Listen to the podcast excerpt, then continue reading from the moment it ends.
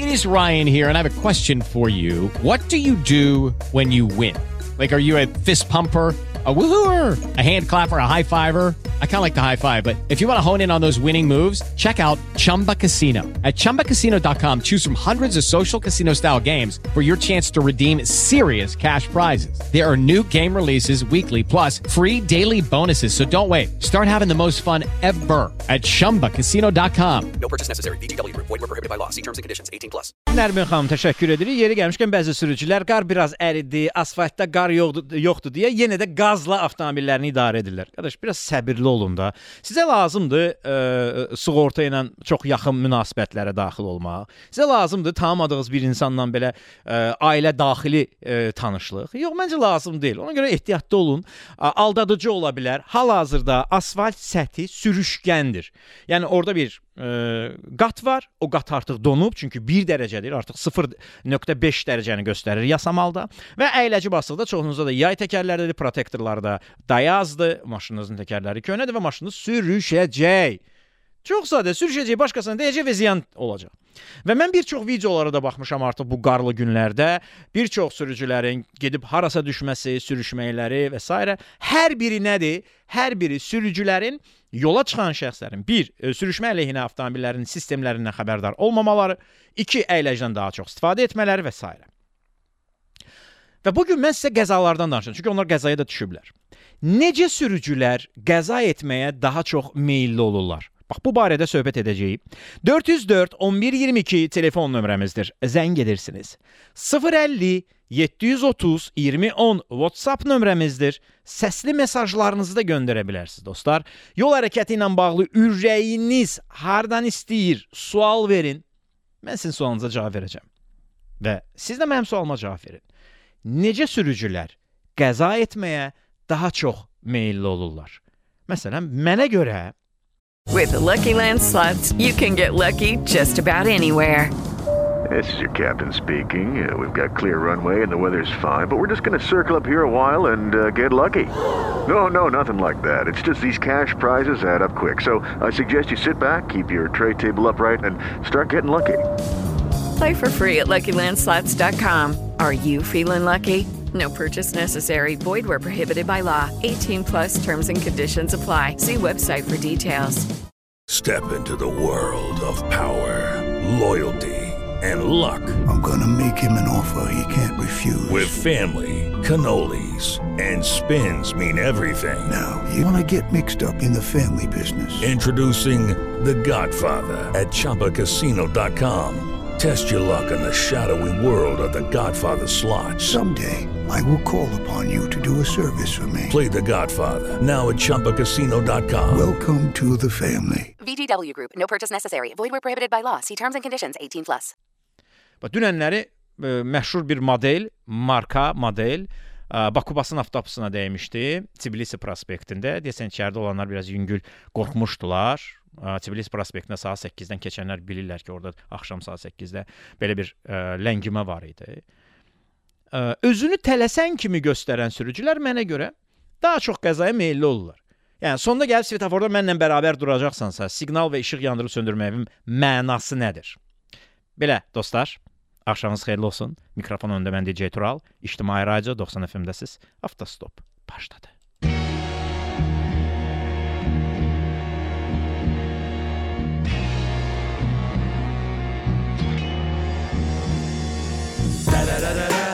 Saatin 18'i gösterirse. Dərərərərə Yeni efirdən ondan öyrənirsən DJ Yine hamı köklənib 90 FM-ə Çünki yolda ondan başqası yalandır. Biraz da səslə, biraz da səslə Yollar, tıxaclar onun mövzusudur Bu iki tərəfli oyun amma o udur.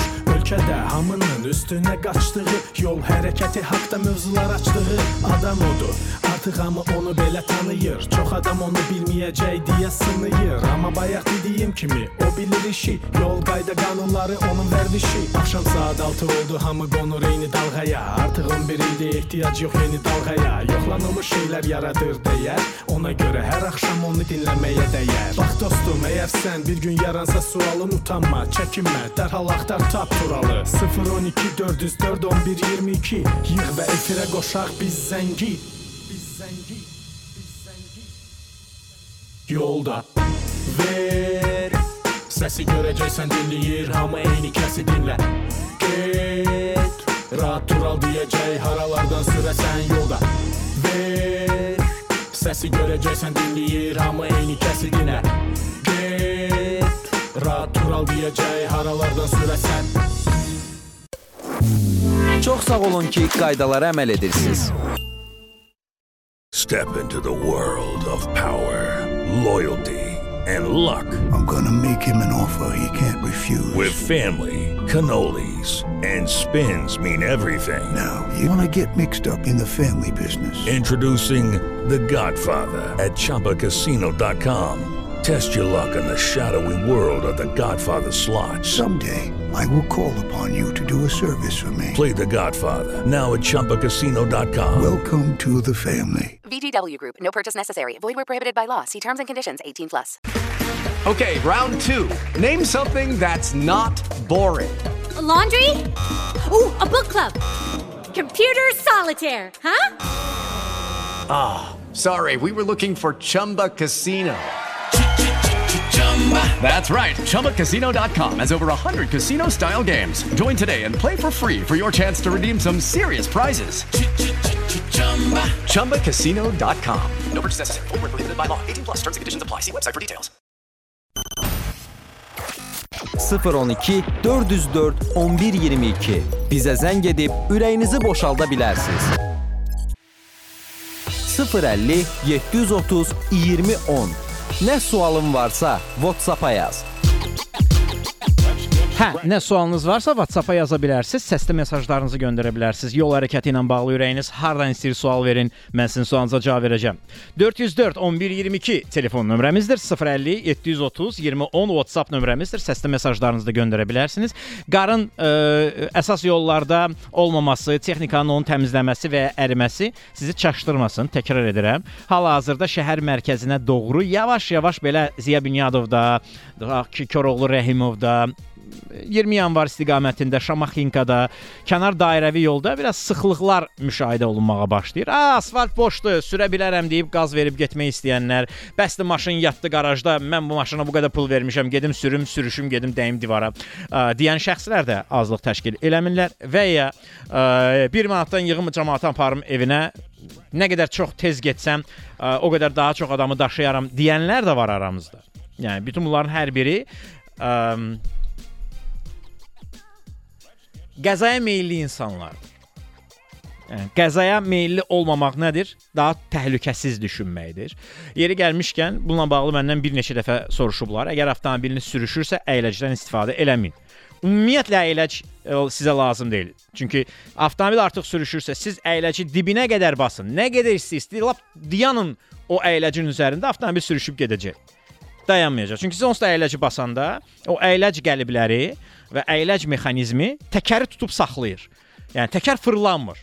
Və o təkər fırlanmadığına görə sürüşə-sürüşə gedir. Yəni sən əyləci nə qədər basırsansa onun heç bir mənası yoxdur. Yəni əgər biz əyləcdən istifadə ediriksə, ilk olaraq ə, anlamalı olduğumuz məsələ ə, əyləc mexanizmi necə çalışır, onu bilməkdir. Yəni biz nəyi anlamalıyıq? Əyləc mexanizmi necə çalışır? Bir ə, pəncə təsəvvür edin, bir pəncə fırlanan bir şeyi tutur. Sadəcə səth sürüşkən olduğuna görə fır, ə, pəncə onu tutur, fırlanmır, amma o belə gedir. O səthin üzərində sürüşür. Bu zaman əyləci ə, buraxıb təzədən basmanın heç bir mənası yoxdur. Yəni ora yerə mıxlanıb qalan deyil. Sizin nəqliyyat vasitənizin təkərləri e, deş, e, de, belə tikanlı təkər dediyiniz və ya qış təkərləri deyilsə, orada dayanan deyil. Hə, maşın sürüşürsə nə etmək olar? Çox sadə üsullardan biri e, sükanı avtomobil sürüşən tərəfə çevirmək lazımdır. Yəni avtomobil sağ tərəfə gedirsə, qabağı sağ tərəfə fırlanırsa, sükanı sağ tərəfə fırlatdın, avtomobil geri qayıdır. Bilirsiniz, yəni o e, mərkəzə gəldi, mərkəzə gəldi və sola təzədən sürüşməyə başlayırsa, təzədən yenə sol tərəfə vurarsan. Yəni tez 1 saniyənin içərisində olan hərəkətlərdir və avtomobil düzəlir. Düzələndən sonra qazı verib gedə bilirsiniz. Arxa təkərlər çəkən avtomobildə əyləcdən istifadə et. Ümumiyyətlə avtomobil sürüşürsə əyləcdən istifadə eləmirik. Arxa tərəfi çəkirsə əyləc istifadə eləmirik, sükanı qazda istifadə eləmirik. Sükanı ə, çeviririk avtomobil sürüşən tərəfə, mərkəzə qaytardıq avtomobili, ondan sonra qaz veririk.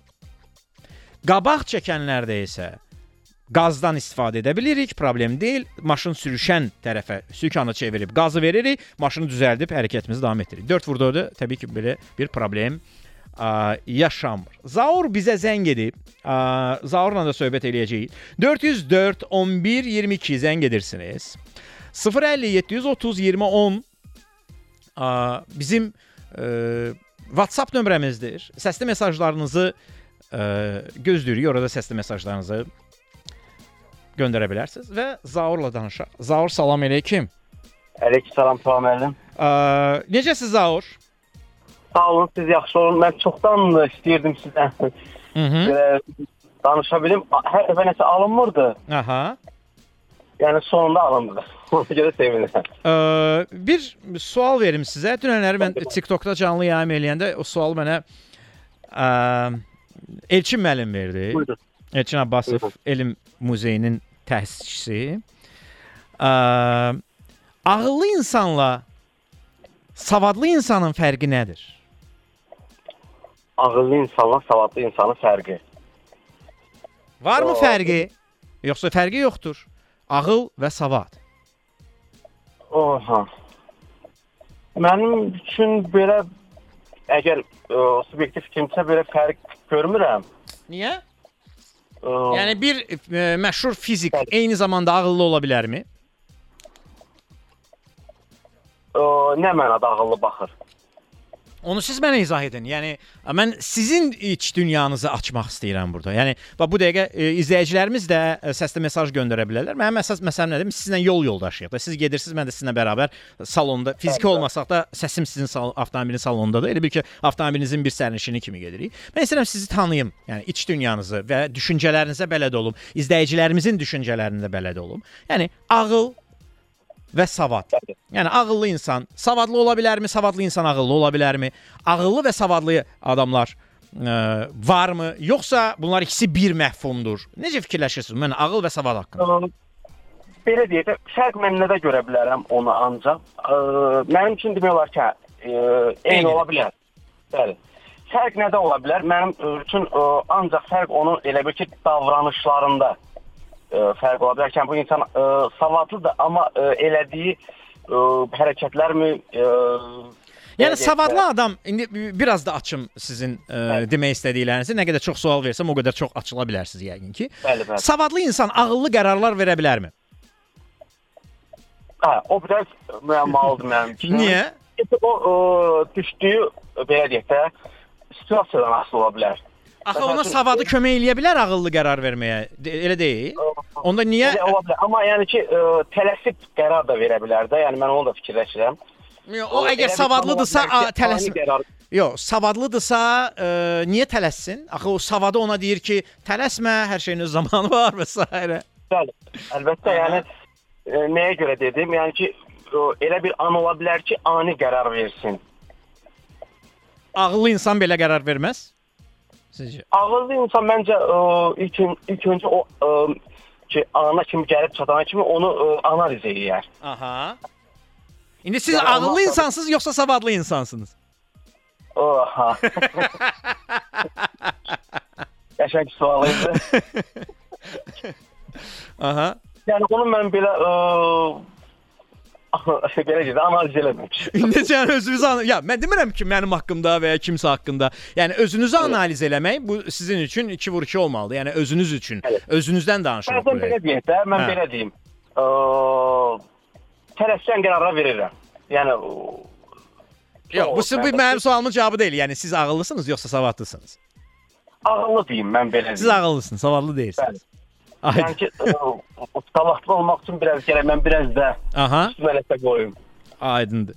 Yaxşı, necə sürücülər qəza etməyə daha çox meylli olur Zaur? Ə, Baxın tamam mən bayaq siz dediniz, mən elə həmin o fikrini atmışdım ki, zəng eləsəm onu deyim. Tələs tələskənliyə meylli insanlar biraz ə, ə, yəni ki, o qəzaya meylli. Baxın mən bu dəqiqə ə, bayaqları gənclik molun qabağındaydım. Təsəvvür edin ki, nə o dönmə işıqlarını yandırırlar. Elə tələs çalışırlar ki, qabağıma bircə keçsinlər. Hətta yəni ki, elə bir qabağa keçəndə nəsə olacaq da, yəni ki, orada nəsə var. Kubokda orada ümumi gedib onu götürməlidir. Yəni bu çatmır da mənə. Yəni Sizcə e, sizcə bax, yəni bu e, situasiyanı analiz edək. Bir adam e, 100 metrlik yolda deyən mən buradan keçəcəm və mən buradan keçib mən qabaqda dayanmalıyam deyən demək üçün nə olmalıdır ki, o desin ki, mən 30 saniyə qabaqdayam. Mən 30 saniyə cəldəm. Əlbəttə, yəni o yəni çox maraqlı bir şeydir. Yəni ora keçəndə nə ol, nə olur da? Yəni mənə həqiqətən də o maraqlıdır. Yəni mənim qabağıma keçəndə nə olacaq? Yəni onun da qabağında, e, onun da qabağında maşın var. Yəni iki maşının arasına girəndə nə olur? Çox maraqlıdır. Və yaxud da ki, ə, keçir qabağıma, gedir qırmızı işıqda dayanır. Bəli. Ha, yəni burada nə var? Yəni mənim dalımda da dursan, yəni gedib qırmızı işıqda dayanacaq, yəni qabağımda da dursan. Mhm. Və yaxud da ki, nə bilim, yəni çox maraqlı bir şeydir. Yəni nə Yəni tələsməyin sə- sizcə insanlar niyə özünü tələsmə? Mən ona tələsmək demirəm, çünki tələsən vaxtında çıxır və s. Ə, Tələsən Əlbəttə. kimi göstərməyin səbəbi nədir? Məncə bilirsiniz, mən biraz fərqli yanaşıram da. Məsələn, mən özüm, özümdən götürüm, tələskən insan deyiləm. Yəni ə, öz axarımda gedirəm də. Yəni ə, tələsməklə heç əlaqəm olmayıbdı. Nəyəsə tələsim. Yəni mən ona bilirsiniz necə baxıram? Ya bu ə, yanında kimsə oturur, "A, mən belə sürəcəm, buradan belə keçəcəm, onu göstərmək istəyir kiməsə. Yəni sürüşünü göstərmək istəyirmi? Yəni tələsən insan bəlli ki, o yəni bu işıqlarını yandırır. Yəni tələsir insan bəlli olur da, yəni ki, bu harasa tələsir. Yəni buna yol verə bilərəm. Amma bu insanlar, bu tip insanlar tələsmir. Sadəcə bu tıxacda nəsə eləmək istəyir, amma heç özləri də bilmir nə eləmək istəyir. Aydındır. Təşəkkür edirəm Zaur zənginizə görə. Minnətdaram. Buyurun. Çox sağ olun, xoş oldu sizinlə söhbət eləmək. Sizə qulaq asdım. Əhvalım daha da yüksəldi. 9942 yazıb göndərib. Təşəkkür edirəm.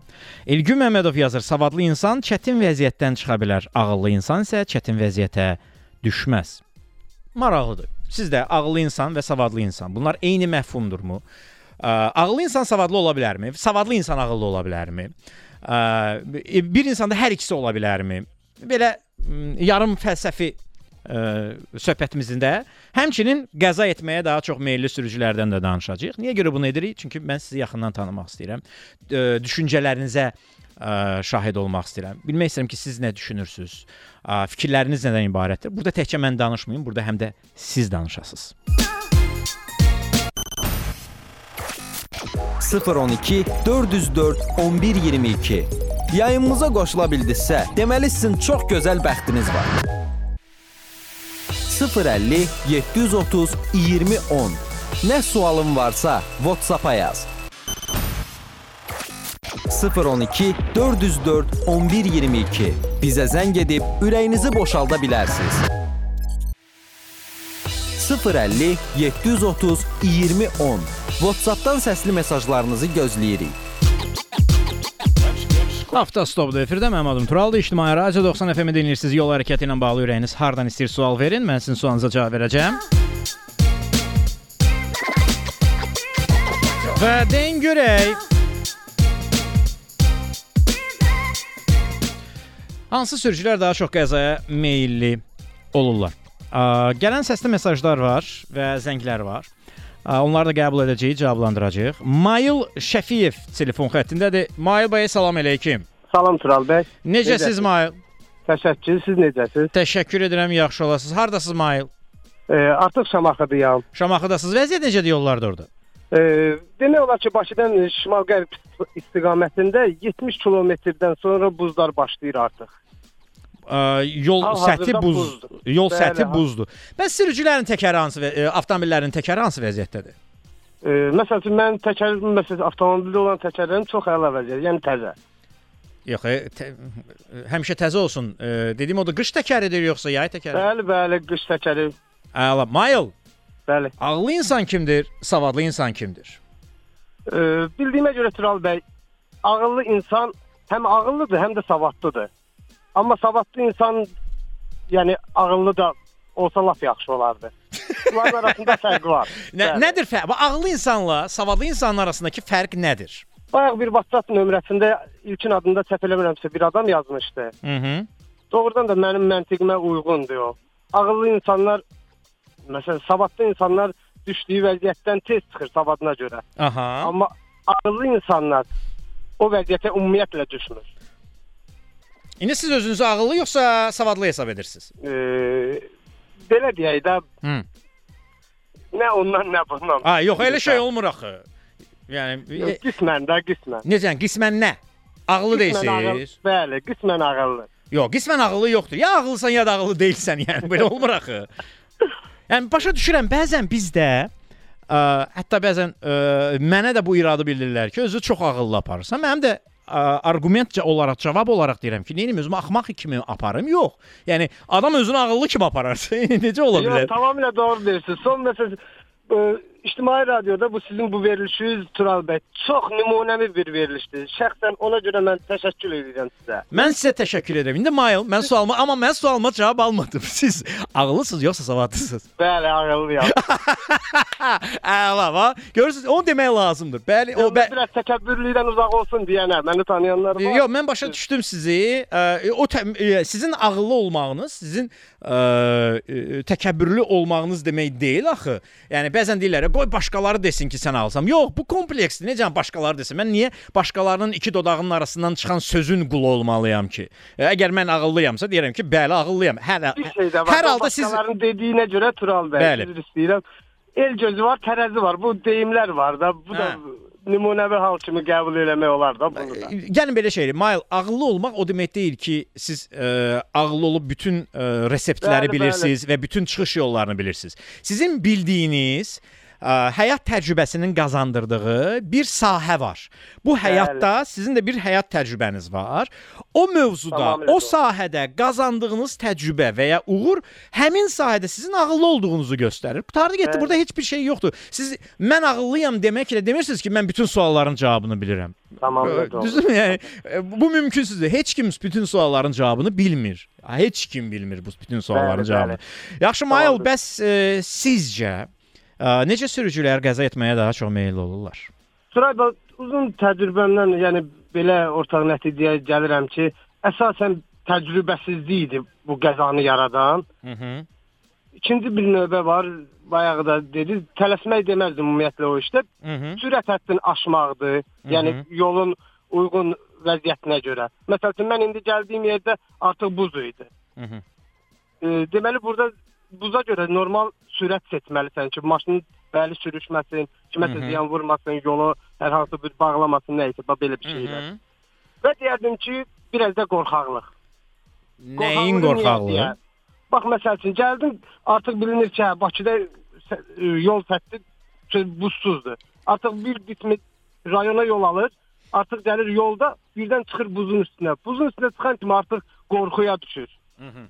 Bax o qorxuya düşəndə bayaq siz demişkən e, to- e, əyləcdən istifadə eləyib, düz qeyri-düzgün istifadə eləyib. Ona görə də bax beləncə vəziyyətdə Mən qəzalar qaz başlayır. pedalının üstünə çıxan adam görmüşəm bu e, şaxtalı havalarda. Əyləci tutmur. Dibə qədər basır o düzdür. Hə, və Yəni- başlayır ayaq üstə durmağa. Adam elə bilir ki, nə qədər çox təzyiq eləsə, təkər O qədər maşın hərəkətə gələcək. Ə, o, o e, yəni sadəcə bilmək lazımdır ki, əyləci basanda təkər onsuz da bloklanır. Yəni təkər onsuz da fırlanmır. Sən onu nə qədər ə, təzyiqlə vursan belə, bassan belə, toxunsan belə, o ondan artığını eləmir də, onu saxlayır. Sadəcə yol səthi ilə sizin təkərin arasında olan təmas pis olduğuna görə başlayır sürüşməyə. Ona görə sürüşmə zonalarında, sürüşmə yerlərində avtomobilin o belə buzlu və sürüşkən ə, yol səthində əyləcidən istifadə etməmək lazımdır. Yəni sükanı düz tutmaq lazımdır. Və salam. Tamamilə doğrudur. Mayıl, ə, başqa sualınız varmı? E, təşəkkür bir dənə artıq sizə heç nə deyə bilmərəm. Siz bu maarifləndirici işlərdə sizə uğurlar arzulayıram. Mən minnətdaram sizə. Təşəkkür edirəm. Dincə, dinləyicinizik. Həmişə də olacağıq inşallah. Təş təşəkkür edirəm Mail, qucaqlayıram. Çox sağ Çox sağ olun. Minnətdarım sizə. Təşəkkürlər. 404 11 22 zəng edirsiniz. 050 730 20 10 WhatsApp nömrəmizdir. Səsli mesajlarınızı göndərə bilərsiniz. Yol hərəkəti ilə bağlı ürəyiniz hardan istəyir sual verin, mən sizin sualınıza cavab verəcəm. Və deyin görək. Hansı sürücülər qəzaya daha çox meyilli olurlar? Nömrə qarla bağlıdırsa cərimə yazıla bilərmi? Rusiyadan əgər düşüb silinər, ə, Rusiyada əgər düşüb silinərsənsə cərimə yazılmır. Ə, yəni qar yağa-yağa avtomobili idarə edirsiniz. Ə, buna görə sizə heç nə demirlər. Amma qar yağı bitib, qar yoxdur. Amma sən maşına yaxınlaşanda görmüsən ki, bu qardır və təmizləməmisənsə, ə, dövlət qeydiyyat nişanını çikir saxladığınıza görə sizə cərimə yaza bilərlər. Ağıllı insan daha həyati təcrübəyə malik ola bilər. Savadlı insana nisbətən xoşbəxt o insandır ki, həm savadlıdır, həm də ağıllı. Ə, 9635 yazır ki, savad hər hansı və ya bir neçə sahədə elmli, təhsilli olması ilə bağlıdır. Ağıllı isə dünya görüşünün zəngin olması ilə bağlıdır. Ağıllı insan savadlı olmaya bilər. Ağıllı insan isə savadlı savadlı ola, ola da bilər, olmaya da bilər. Qəza hamının başına gələ bilər, amma qəzaya meylli sürücü odur ki, onlar zolağı tez-tez dəyişir, sürətli sürür, içir sürür, özünü peşəkar sürücü kimi göstərir, magistralda quzuya dönür. 02 59 yazır. Qəzaya hansı sürücülər qəzaya daha çox meyllidir? Bu barədə söhbət eləyirik və həmçinin ə, ağıllı insan və savadlı insan kimdir? Bunlar eyni məfhumdurlarmı? Fərqlidirlərmi? Savadlı insan ağıllı ola bilərmi? Ağıllı insan savadlı ola bilərmi? Ə, bu barədə söhbət eləyirik. Sizinlə ağıllı insanla savadlı insanın fərqi nədir? Buyurun bu barədə də fikirləriniz varsa, səsli mesaj göndərə bilərsiniz. Səsli mesaj göndərən dinləyicimiz var. 050 730 20 10. WhatsApp-dan səsli mesajlarınızı gözləyirik.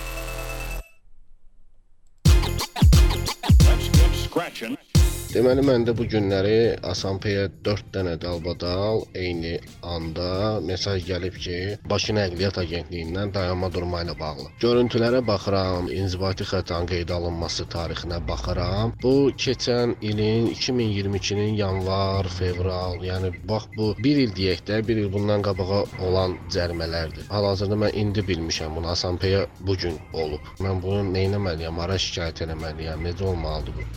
Tarixə baxın, əgər 1 il ötübsə və 1 il ərzində sizə göndərilməyibsə və 1 il ərzində tərtib edilməyibsə, 1 il tamam olandan sonra tərtib edilibsə şikayət edilə bilər. Amma hələ 1 ili tamam olmayıb və onu sizə göndəriblərsə, orada problem yoxdur. Həmin protokoldan ə, ödəməli olacaqsınız.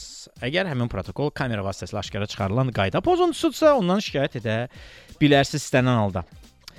Pərvin Əliyeva telefon xəttindədir. Mən bir dənə şey müşahidə etmişəm. Bizə zəng edən xanım sürücülər ya mühasib olur, ya da həkim olur. yəni belə bir ə, alqoritmik ə, ə, düzülüşü var. Bizim efirə düşə bilən xanımlar ya həkim olurlar, ya da mühasib olurlar. Ə, Pərvin salam əleykum. Salam əleykum Tural bəy, necəsiz? Yaxşı, siz necəsiz Pərvin xanım? Təşəkkür edirəm sizə. Ə, Əslində mən sizə niyə həmişə yığıram? Sizdə o efirdə başda bir ə, simvol söz deyirsiniz. Əgər bizə düşə bildinizsə, siz bəxtiniz gətirdi. hə. Emin onu prinsip.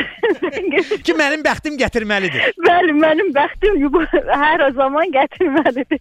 Deməli, Yəni ə, ə, bilirsiniz də, yəni ə, orta əsrlərdə, yəni Aha. İslam dünyasında da fala baxmaq ə, günah sayılırdı. Amma ə, sultanlar bəzən ə, bunun Osmanlı sultanları bunun yanından keçmək üçün kitab falı etdikləri bir şey olurdu. Amma bu kitab falını Quranla etmirdilər. Edirdilər məsələn İncillə, Zəburla, ə, yəni ə, digər qeyri-müsəlmanların kitabları ilə. Məsələn Məhəmməd Sultan Fatih də ə, bir neçə dəfə hətta yazılanlara görə kitab falına baxırmış. Biz belə bir ver, verişə düşməyi də bir fal kimi götürək də. Yəni ora düşdümsə vəssalamı bundan sonra mənə yaşıl işıqdır, hə? Eynən, yəni eynən. Əslində deyirlər ki, kainat bizə özü cavabını verir. mesaj verir, Bəli, hə. bəli, mesaj verir. Ona görə düşünəndə elə biləsə bir şey fikirləşirəm, nəsə bir şey arzu edirəm. Artıq yaşamış kimi gedirəm bu situasiya və bu an sizin həmişə verilişinizə qulaq asıram və o söz gəlir. Deyirəm, özümü təmkininə aparıram ki, yox da, bu mənə aid deyil, amma içimdəki səs deyir zəng elə, zəng elə. yəni o idarə edə bilmirəm. Kainat mesajı demişkən, həqiqətən əgər biraz daha analitik düşünsək və biraz daha geniş baxsaq, biz bu mesajın bizə ə, verildiyini görə bilərik. Hətta qəzanı belə öncədən ə, görmək olur. Yəni ə, sən sadəcə güzgülərlə baxmaqla sağında solundakı avtomobillərin hərəkətini sadəcə belə də müşahidə edəndə görürsən ki, o doğrudan da bu adam gəlib qəzaya düşə bilər və gedir də qəzaya düşür. Yəni artıq insanların hə hərəkətləri, bənəm kainatla birləşərək verdiyi mesajlar, yəni belə də qarşıla qarşımıza çıxdığı, tanış olduğumuz və ya ə, gördüyümüz, nəsə bir ünsiyyətimiz olduğu adamlar da elə belə çıxmır bizim qarşımıza. Bunun da bir yəqin bir missiyası var. Bəli. Ə, yaxşı, Pərvin xanım, ağıllı insan və savadlı insan bunların fərqi nədir? Fərqi varmı Ə, ümumiyyətlə? Var. Ə, çox belə siz ə, o sualı verəndən çox düşünürəm. Əslində çox düşünmək deyil də bir dənə bir ə, informasiya gəldi beynimə ki, biz həmişə fikirləşirik ağıllı və savadlı insan. Bəli. Mən əvvəllər ə, tədris ocağında işləyirdim. Ə, orada savadlı m, müəllimlərimiz çox idi. Yəni deyim ki, savadına söz ola bilməz, ancaq ə, özlərini elə bir ağılla göstərirdilər ki, yəni savadını qoysa onun insanlığına hörmət etmək dərəcə istəmirdim. Yəni o qədər danışdırmaq bir nə salam, sağ ol kimi idi də. Amma elə bir ə, bizim ə, həmin müəssisədə tədris ocağında həm savadlı, həm də ə, belə deyim, ə, xadiməçi bir xanım var idi. O o qədər ağıllı, o qədər dünya görüşlü danışırdı ki, mən onun xanımla vaxt keçirməyi çox sevirdim. Və e, elə elə mənə çox maraqlı gəldi bu sözlər. Həmişə mənə deyirdi ki, heç vaxt insanları birinci özünü ə, təqdim eləməyə tələsmə. Qətiyyən gözlə.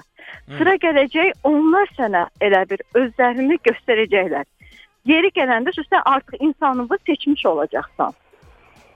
Mənə O- həmişə çox belə, yəni O, çox o, belə o, onu biraz açardınız. O nə deməkdir ki? Nə üçün? Yəni ə, birinci ə, və bunu mən də başa düşmürdüm və ə, başladım mənə həmişə deyirdi ki, qıraqdan başda başla həyata ə, ə, ətrafına qıraqdan baxmağa.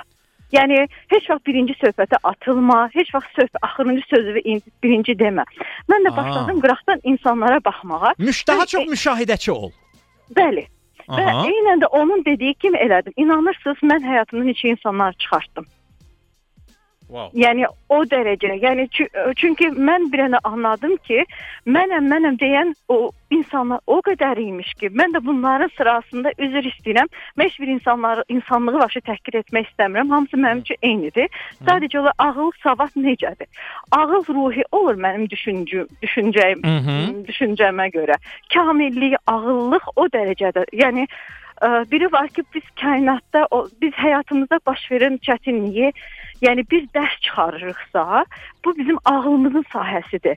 Amma hansısa bir ə, belə deyək də ə, riyazi həs, ə, belə yolla gedirik və düşünürük ki, dənə maşın durub. Mən onun içinə ə, üzr istəyirəm. Arasında maşını sürə bilərəmmi? Bu istərsənmə savadımız ortaya keçir və həndəsi ə, fiziki qanunlarla hesablayırıq, Mhm. vururuq və bilirik ki, biz bura keçə bilərik yoxsa keçə bilmərik. Mhm. Savad budur mənim aləmimdə. İndi siz Amma ağıl- ağıllısınız yoxsa savadlısınız? Ə, yeri gələndə ağlımı işlədirəm, Aha. ə, kamilliyimi işlədirəm, yeri gələndə də savadımı. Aydın. Bəs ə, ən çox hansı sürücülər qəzaya meylli olur? Ə, əslində mən bunu çox nümayiş olmuşam ki, yenə də qıraqdan baxmışam, fikir vermişəm ki, insanlar həmişə qarşılıqlı nəsə gözləyir. Deyəcəksiniz buna nə dəxlisi? Mən bir bir şey deyim. İnsanlar Yox deməyəcəm elə. Çünki belədir. Məntiqi əlaqəni yəqin ki özünüz gətirəcəksiniz. Elə belə demirsiniz də bunu hər halda. Bəli. Aha. Yəni biz bir yerə ə, deyirik, səbəb bəhanələrdir ki, ay tələsirdim, ay ə, bir yerə gedəcəydim, ay yeməyimi soyuyurdu, ay ocağım qal yeməyim ocaqda qalmışdı. Ə, bu hamısı bir bəhanə idi. Mən düşünürəm ki, çox üzr istəyirəm səskiyə görə. Bu sadəcə bir bəhanədir. Sadəcə o insanlar qarşılıqlı mən ə, həmin ad- özüm özümdən danışım da, özümü bir şey ə, nümunə gətirim. Mən otururam maşına. Hə, mən öz aləmimdə tələsirəm. Mhm. Hansı bir ə, ə, və- qarşımda adamlarından gözləyirəm ki, çəkilin mənə yol verin, mən ürəyim bərk sürüb getmək istəyir. Ə, və yaxud ə, bu araya keçəcəm, m, məni başa düşəcəklər və hərəsi maşını qırağa çəkəcəklər. Mən maşını aradan araya keçirəcəm. Elə və yaxud ə, qabaqdakı sağa çönəcək. Mən arxadan ə, sürətlə gəlirəm. O qabaqdakı başa düşəcəklər. Mən ə, tə, elə biləcək mən tələsirəm. Hə başa düşəcək, mənə yol verəcək. Mən sürüb gedəcəm sürətlə. Bu hamısı qəzaya gətirib çıxarır. Yəni adicə mən ə, piyada keçidindən keçirəm. Maşın gözləyir də bu sürür.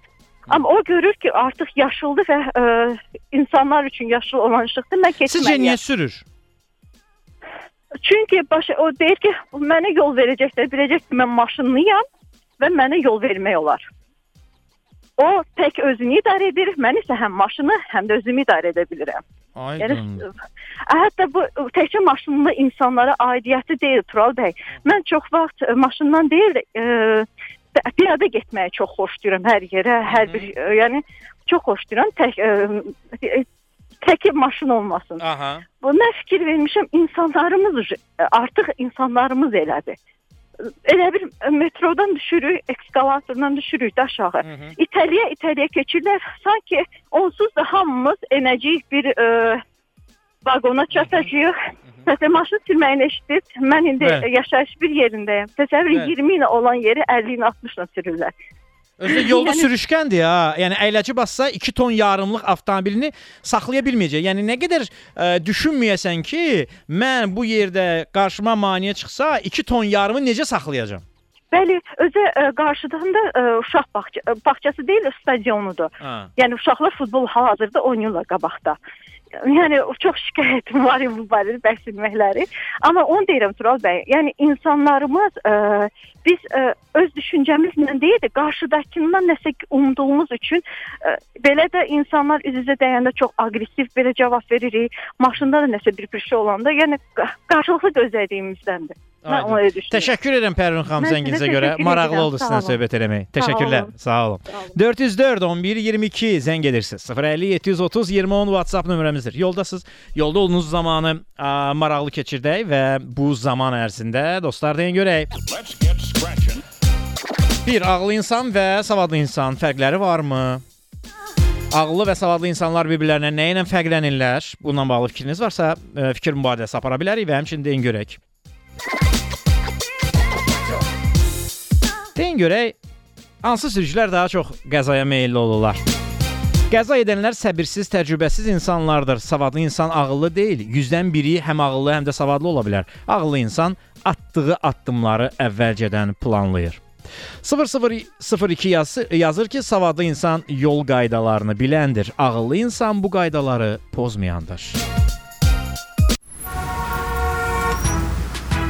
Sizdən yoxdur da. Svetoforda dayananda siqnal vermirsiniz.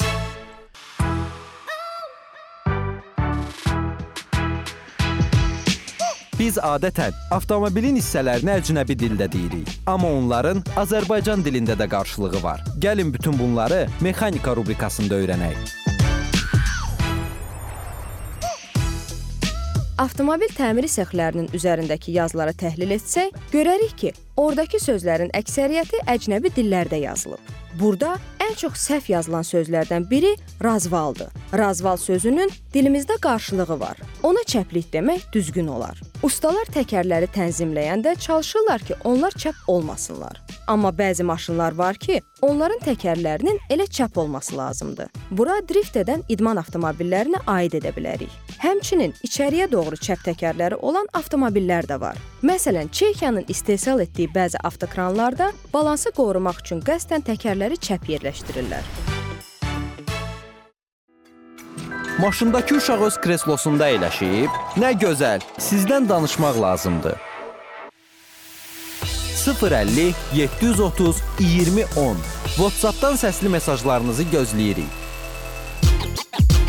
Avtostop davam edir. Mənim adım Turaldır. İctimai Radio 90 FM-i dinləyirsiniz. 18:49 dəqiqəni göstərir saatımız. Şəhərdə sıx hərəkətdə tıxac deməyək, biraz ə, yol səthi sürüşkəndir. Ara məsafə saxlayın, tələsməyin. Ə, Necə sürücülər qəzaya meylli olurlar? Bax bu barədə söhbət edirik və ağıllı, savadlı insanlar arasında fərq də bizim bu əlavə köməkçi mövzularımızdan biridir. Gələn səsli mesajlar var işləyə görə xalq nə deyir?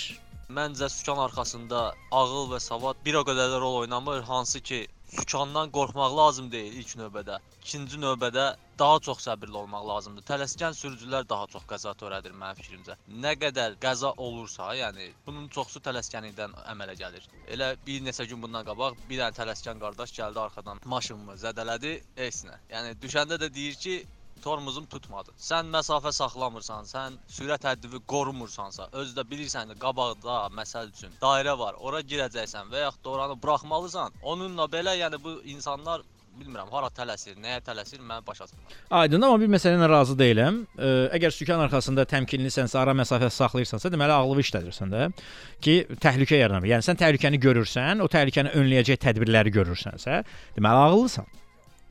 Elə deyil? Qəzaya meylli sürücülər onlardır ki, ağıllı sözünün mənasını bilməyib, özünü ağıllı kimi göstərməyə çalışan sürücülərdir. Yəni bunu tam əminliklə deyirəm. Mən avtoqaza törətmişəm. Vurduğum maşının yiyəsi deyir ki, mən rent-a-cardan maşın götürəcəm, onun bütün xərclərini sən ödəməlisən. Bu nə dərəcədə düzgündür? Bunu yoxsa sığorta mı qarşılamalıdır? Yox, sizin sığorta şirkətiniz qarşı tərəfə dəymiş zərəri icbari sığortası varsa ödəyir. Əgər avtomobil rent-a-cardan götürülübsə, ə, çox ə, güman ki, həmin nəqliyyat vasitəsinin kasko sığortası da var. Yəni onu sığorta qarşılayır. Əgər ə, kasko sığortası yoxdursa, yalnız onda icbari sığortadırsa, sizin icbari sığortanız 5000 manata qədər olan hissəni qarşılayır. Dəymiş ziyan 8000 manatsa, misal üçün deyirəm, 5000 manatı sizin sığorta şirkəti ödəyəndən sonra yerdə qalan 3000 manatı məhkəmə qaydası ilə sizdən istəyə bilər. Mütləq deyil ki, ağıllı adam savadlı olsun və ya da savadlı adam mütləq ağıllı olsun. Hər bir halda müstəqil insanlar ola bilər. Təşəkkür edirəm. Ağıllı, savadlı insan düşdüyü çətinlikdən çıxır. Ağıllı insan isə heç vaxt o çətinliyə, o vəziyyətə düşmür. Ataların bir misal var, heç vaxt heç vaxt demə. Çünki kimin hansı vəziyyətə düşəcəyini heç kim bilmir. Yəni ağıllı insanlar da çətin vəziyyətə düşə bilərlər. Hə, oradan kim daha ə, az itki ilə çıxa bilər? Ağıllı insan yoxsa savadlı insan? 404 11 22 zəng edirsiniz. 050 730 20 10 WhatsApp nömrəmizdir. Səsli mesajlarınızı göndərin. Yol hərəkəti ilə bağlı ürəyiniz hardan istəyir sual verin, cavab verəcəm və həmçinin deyin görək hansı sürücülər qəzaya daha çox meylli olurlar və ağıllı insanla savadlı insanın fərqi nədir? Bu mövzunun yeri gəlmişən bir-birinə əlaqəsi var ha. Qəzaya düşənlər ə, ağıllı insanlardır yoxsa savadlı insanlardır? Söhbət eləyəcəyik. Qısa musiqi fasiləmiz var. Növbəti saatda eşidilərik qismət olsa.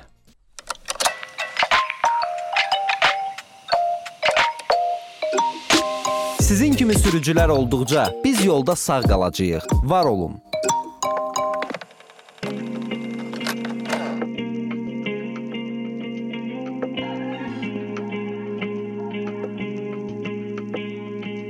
Sanki sevgi döyür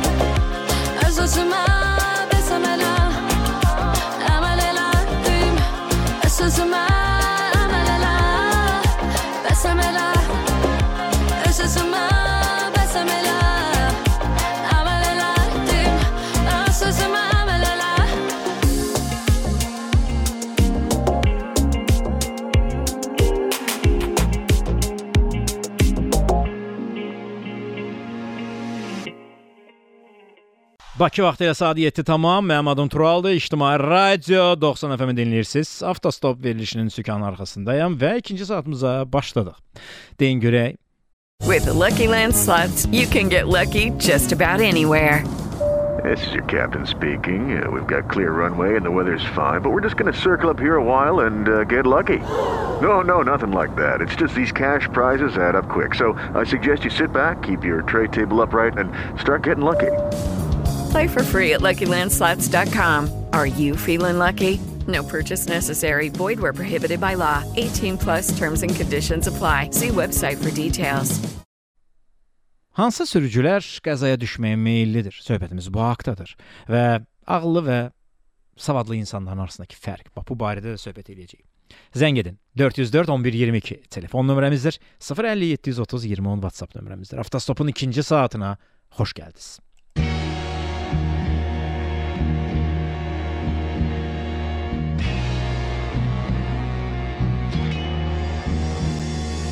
Dərərərərə Saatın 18-i göstərirsə Dərərərərə Yeni efirdən ondan öyrənirsən DJ Turan Yenə hamı köklənib 90 FM-ə Çünki yanlarından başqası yalandır Biraz da səslə, biraz da səslə Yollar, tıxaclar onun mövzusudur Bu iki tərəfli oyun amma o udur Ölkədə hamının üstünə qaçdığı Yol hərəkəti haqda mövzular açdığı Adam odur, artıq hamı onu belə tanıyır Çox adam onu bilməyəcək deyə sınıyır. Amma bayaq dediyim kimi o bilir işi. Yol qayda qanunları onun vərdişi Axşam saat 6 oldu hamı qonur eyni dalğaya Artıq 11 ildir ehtiyac yox yeni dalğaya Yoxlanılmış şeylər yaradır deyər Ona görə hər axşam onu dinləməyə dəyər Bax dostum, əgər sən bir gün yaransa sualın utanma, çəkinmə Dərhal axtar tap turalı 012 404 11 22 Yığ və efirə qoşaq biz zəngi Biz zəngi Biz zəngi Yolda Ver. Səsi görəcəksən dinləyir Hamı eyni kəsi dinlə Get Rahat dural deyəcək Haralardan sürəsən yolda. Ver. Səsi görəcəksən dinləyir Hamı eyni kəsi dinlə Get Rahat dural deyəcək Haralardan sürəsən Küçəyə zibil atmadığınıza görə sizə dərin təşəkkürümüzü bildiririk. 012 404 1122 Avtostopdasız. Zəng eləyin. 050 730 2010 Nə sualın varsa WhatsApp-a yaz. Avtostopda efirdə mənim adım Turaldır. İctimai Radio 90 FM-i dinləyirsiniz. Yol hərəkəti ilə bağlı ürəyiniz hardan istəyir sual verin, cavab verəcəm və həmçinin deyin görək hansı sürücülər qəzaya daha çox meyllidir. Telefon xəttində dinləyicimiz olacaq, onunla da danışacağıq. Dinləyicimiz yazır ki, 65 91. Savadlı insan mənə görə istər elmi cəhətdən, istər digər sahələrdə daha çox məlumatı olan adamlardır. Ağıllı insan isə biraz daha biç və istər maddi cəhətdən, istər digər ə, cəhətdən hər şeyin daha qısa yolunu tapandır. Ziya yazır: Ağıllı və savadı anlamaq üçün qısa, sadə düstur, savad, zəka, məntiq, üstəgəl iman, idealist baxış bərabərdə ağıl. O Savad oxumaqla, çalışmaqla qazanılır. Maddi varlıq olmayan ağıl isə Allahın bəxşidir. Hər savadlı ağıllı olmur, amma hər ağıllı savadlıdır. Sadəcə savadı olanlar deyil, ağlı olanlar qazanır. Hər insan ağıllıdır, çünki ağıl doğuşdan var olan bir şeydir. Savad sonradan qazanılan bilik səviyyəsi, dünya görüşü və s. Cavid Əhmədov saç ustasıdır. Ə, işimin düşmədiyi ə, sənətlərdən biridir saç ustası. Cavid salam əleykum. Salam əleykum, axşamınız xeyir olsun. Aqibətiniz xeyir necəsiz Cavid? Sağ ol Tural mən, siz necəsiz? Yaxşı olasınız. İşləriniz necə Cavid? Min şükür, Allahın bu gününə də şükür. Min Bu gün neçə başa toxunmusunuz? Havalar soyuq olduğu üçün çox az. Niyə? Yəni soyuğumu nə aidiyyəti? Bax saçı Dünən, hə, dünən də həmçinin bu şeyi gözləyirdim, ancaq dünən hədsiz artıq müştəri çox oldu. Aha. Hətta iki müştərini belə çatdıra bilmədik. Dünən maşallah olsun iş yaxşı idi, ancaq bu günə nə bilim bu gün nəsə bir zəif oldu. Ə, yaxşı olacaq narahat olun. Cavid bir söz soruşum sizə. Buyurun. Ə, ağıllı insanla savadlı insanın fərqi nədir? Mənim fikrimcə ağıllı e, hər adamda e, savad olmaz. Hər adamda hər adamda ancaq ağıl ola bilər. Savad elə şeydir ki, hər adama qismət olmur. Ağıl elə şeydir ki, hər adam ağıllı ola bilər. Necə? Elə bir şey var ki, savadlı insan ola bilər. Ancaq ona bir e, savadı olmayan, elə bir şey, elə də e, laf savadı olmayan, elə bir o e, e, ağıl verə bilər ki, həmin savadlı adam e, doğrudan da heç fikirləşmədiyi bir şeydə birinə hansısa bir vəziyyətdən çıxa bilər. E, mən bilən, mən başa düşürəm ki, savad hər insana verilmir. Ağıl ancaq hər adama verilə bilər. Mən belə bir variant fikirləşərəm ki, yəni nə mənada Hı hı. e, ağıl e, savadlı adam məsələn e, mən mən özümü məsələn ağıllı hesab edirəm. Məndə elə də savad e, savad Savad yoxdur. nədir? Yalan. E, savad o mən bilən bir savad ilahi, anadan gəlmə, nə bilim ilahidən bir şey olan bir şeydir savad. Nədir savadda, nədir? E, savad e, xalqın uşağı. Savad Savad xalqın uşağıdır. xalqın uşağı deyirlər savadlı. Çox, çox sizə deyəsən onu çox misal gətirir. Bax xalqın uşağı da savadlıdır, hə? Nədir Hə, savad da? Yəni savad nədir? Yəni istənilən halda bunlar biraz ə, abstrakt anlayışlardır da. Yəni ə, kimə görə Mən savad savadı məsələn oxumaq ali bir e, məqamda gördüm də. Məsələn savadlı insan. Yox, kimə görə savadlıdır? Yəni ölçü meyar, savadın ölçü meyarı nədir? Ağlın ölçü meyarı nədir bəs? Yəni E, bir, ağıllı bir adama mən yenə ağıllı deyərəm, hansısa bir şeydə iş görərsən, hansısa bir ağıllı orada olar, o işdən bir çıxa bilməz. Sa e, e, savadlı insan daha doğrusu. E, ha, bir niyə çıxa bilməsin Mən- ki? Hesablama bilirsə, O- hesablama məntiqi ilə mən- niyə çıxmasın ki? O, onlar da insandır bir düşüncə yerdən bir adam olar, heç savadı olmaz. Elə bir tertiyoj verər ki, ona fikirləşər ki, doğrudan da mən bunu fikirləşməmişəm.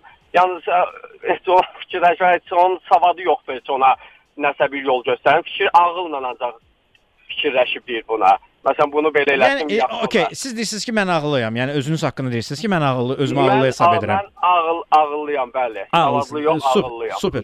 Ə, yaxşı ağıl meyarını nə ilə ölçürsüz? Yəni ölçü vahidiniz nədir ki, bax budursa, bu meyara uyğun gəlirsə ağıllıyam, bu meyara uyğun gəlmirsə ağıllı deyiləm. Belə bir məsələn, ölçü vahidiniz varmı? e, ölçü vahidim olar ki, məsələn ağılla hərəkət eləmək, məsələn e, baxırsan ki, e, bu insanlarla məsələn oturdurma, demirəm indi e, şeylə, e, mən ağılla hərəkətdə, amma savadla yox ağılla hərəkət edirəm. Bu iş bu şeyi xərcləsəm necə olar? Bu şeyi xərcləsəm necə olar? Ağılla bir hərəkət eləmək. Mən yəni o düşüncə ilə. Aydındır. Ə, yaxşı. Bilər fikrimi nəsə tam izah eləyə bilmədim. Yox, yəni- sizin yəni- fikri- sizin verilişə hazırlanana qədər tam hazırlanmışdım ancaq yazanda biraz oldu. E, heç bir problemi yoxdur, rahat olun. Yəni mən sadəcə sizin belə deyək, e, evinizdə, avtomobilinizdə və ya iş yerinizdə qonağam. Siz sadəcə mənlə rahat söhbət eləyirsiniz. Fikrinizi çatdıra bilirsiniz. Yəni mən sizə anladım ən azından. Yaxşı, ə, necə sürücülər ə, qəzaya meylli olurlar? Cavit. Sürücülər mənim fikrimcə Tural bəy, inanırsınız, yəni demirəm hamı sürücüyə, hamıda nöqsə o insan elə insan ola bilməz ki, nöqsan olmasın, o bir mənalı şəkildə. Təbii ki. Yəni ki, təbii ki, ehtiyatsızlığı mən yəni yolla gedəndə kiməsə e, diqqət yetirməyi və yaxud da telefonla danışmağı, lazım olmayan məqamda əyləci basmağı, yəni e, baxırsan düz yolda getdiyim momentdə bir heç bir heç orada bir əyləcdən istifadə eləməlidir, eləyir. Yəni diqqətsiz sürücü, telefonla danışmaq bir mənada, yaxınlaşıb sözünü də deyəndə adama elə şeylə danışır ki, günahkar sanki. Biz niyə səhvimizi etiraf etməyi ə, çətinlik çəkirik? Bax, bu mənə ən çox ə, maraqlandıran məsələdir. Yəni adam sadəcə deyir ki, bəli, mən burada səhv etmişəm. Ə, Çünki hər bir Vallahi səhv Tural bəy, təcrübədir məndə də. olub- Okey. Yəni nə problem Olub var? elə bir şeylər, valla Tural bəy, olub.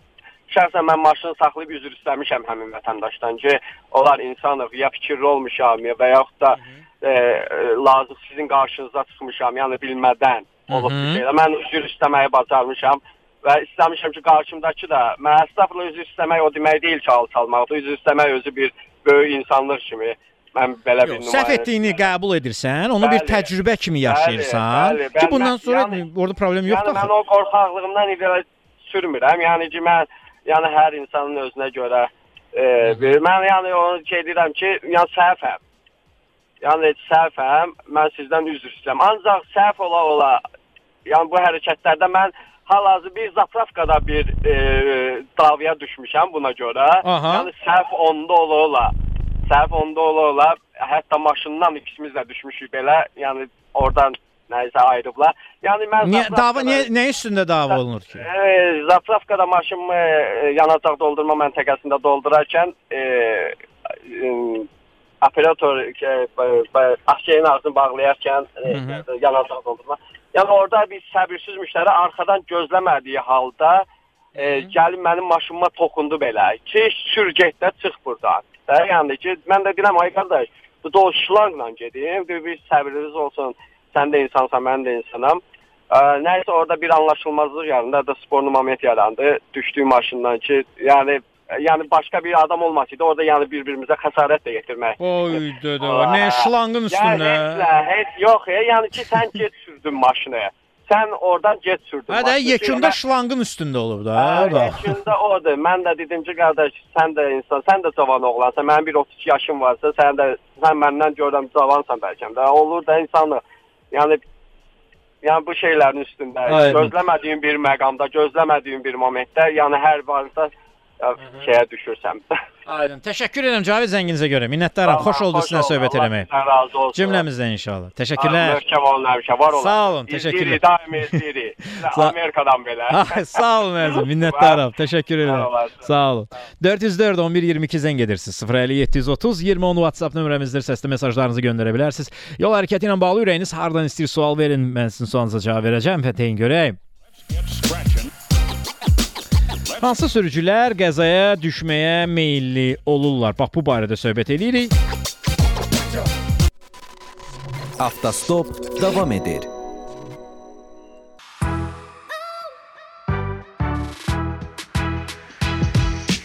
Biz adətən avtomobilin hissələrini əcnəbi dildə deyirik, amma onların Azərbaycan dilində də qarşılığı var. Gəlin bütün bunları mexanika rubrikasında öyrənək. Avtomobil təmiri sexlərinin üzərindəki yazıları təhlil etsək, görərik ki, oradakı sözlərin əksəriyyəti əcnəbi dillərdə yazılıb. Burada ən çox səhv yazılan sözlərdən biri razvaldır. Razval sözünün dilimizdə qarşılığı var. Ona çəplik demək düzgün olar. Ustalar təkərləri tənzimləyəndə çalışırlar ki, onlar çəp olmasınlar. Amma bəzi maşınlar var ki, onların təkərlərinin elə çəp olması lazımdır. Bura drift edən idman avtomobillərinə aid edə bilərik. Həmçinin içəriyə doğru çəp təkərləri olan avtomobillər də var. Məsələn, Çexiyanın istehsal etdiyi bəzi avtokranlarda balansı qorumaq üçün qəsdən təkərləri çəp yerləşdirirlər. 012 404 1122 bizə zəng edib ürəyinizi boşalda bilərsiniz. 050 730 2010 Nə sualın varsa WhatsApp-a yaz. Bəh, bəh, bəh, bəh. Cəmaət artıq yoldadır ya. Yavaş-yavaş deyəsən biz sabahları belə yenə də tıxaclı Bakı küçələrini ə, şahidi olacağıq. Bu gün cəmi 2 dəqiqəyə Yusif Səfərov başdan o tərəfə keçib gedə bilmişəm. Sabah deyəsən bu mənim sonuncu 2 dəqiqə Yusif Səfərovu keçməyim oldu. Çox heyf. Yəni maşınsız da keçinə bilərmiş bəziləri. Mənim adım Turaldır. İctimai Radio 90 FM-i dinləyirsiniz. 404 11 22 zəng edin. 050 730 20 10 WhatsApp nömrəmizdir. Səsli mesajlarınızı göndərə bilərsiniz. Və bizə zəng edən Üzeyir Qasımov var. Onunla da hansı sürücülər daha çox qəzaya meyl edir? Bax bu barədə söhbət edirik. Üzeyir, salam əleykum. Salam əleykum Tural bəy, necəsiz? Yaxşı, siz necəsiz Üzeyir? Sağ olun, bütün dinləyiciləri də salamlayırıq. Əleykum salam. Hamı sizi salamladı və hamı bizi eşidir. Üzeyir, ağıllı insanla savadlı insanın fərqi nədir? Dünən TikTokda canlı yayımda idim və e, Elçin Abbasov bir tanışımız var. Elm ə, interaktiv elm muzeyi var. Azərbaycanın ilk, ilk interaktiv elm muzeyini məhz Elçin Abbasov yaradıb. Texniki məsləhətçi avtomobil ə, ə, texniki olaraq avtomobillə bağlı ə, peşəkarlardan biridir. Həm də belə elmin populyarlaşdırılması ilə bir iş görür. Bir liseydə, bir də ə, pedaqoji universitetdə səhv etmirəmsə, o interaktiv elm muzeyini açıb və onun ə, yeri gəlmişkən o muzeyə gedib baxmaq da olar. Fi- Elə bir ki, o muzeyə girdiniz, fizikanın Aha. hansı qanunu deyirsinizsə, həmin qanuna uyğun olaraq onun ə, izahını göstərən təcrübəni yaşaya bilərsiniz. Bax belə bir şeydir. Azərbaycanın ilk elm ə, interaktiv elm muzeyidir Elçin Abbasovun. Hə, o mənə elə TikTokda TikTokda canlı yayımda yazdı ki, ağıllı və e, savadlı insanların fərqi nədir? E, dedim, hoppa, sağ ol Elçin müəllim. Mən bu sabahları efirdə cəmaatdan soruşaram. Ya sanki bir ideya vermiş oldu. Yaxşı, ağıllı insan və savadlı insan fərqi varmı ümumiyyətlə sizə görə?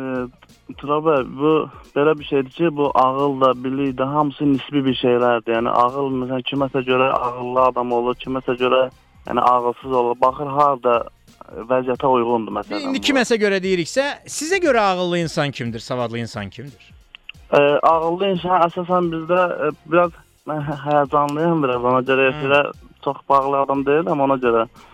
Yəni ağıllı insan yəni Həyəcanlanmayın, da- bizi an, biz ancaq özümüz danışırıq. Heç kim bizi eşitmir, narahat olmayın. Aha.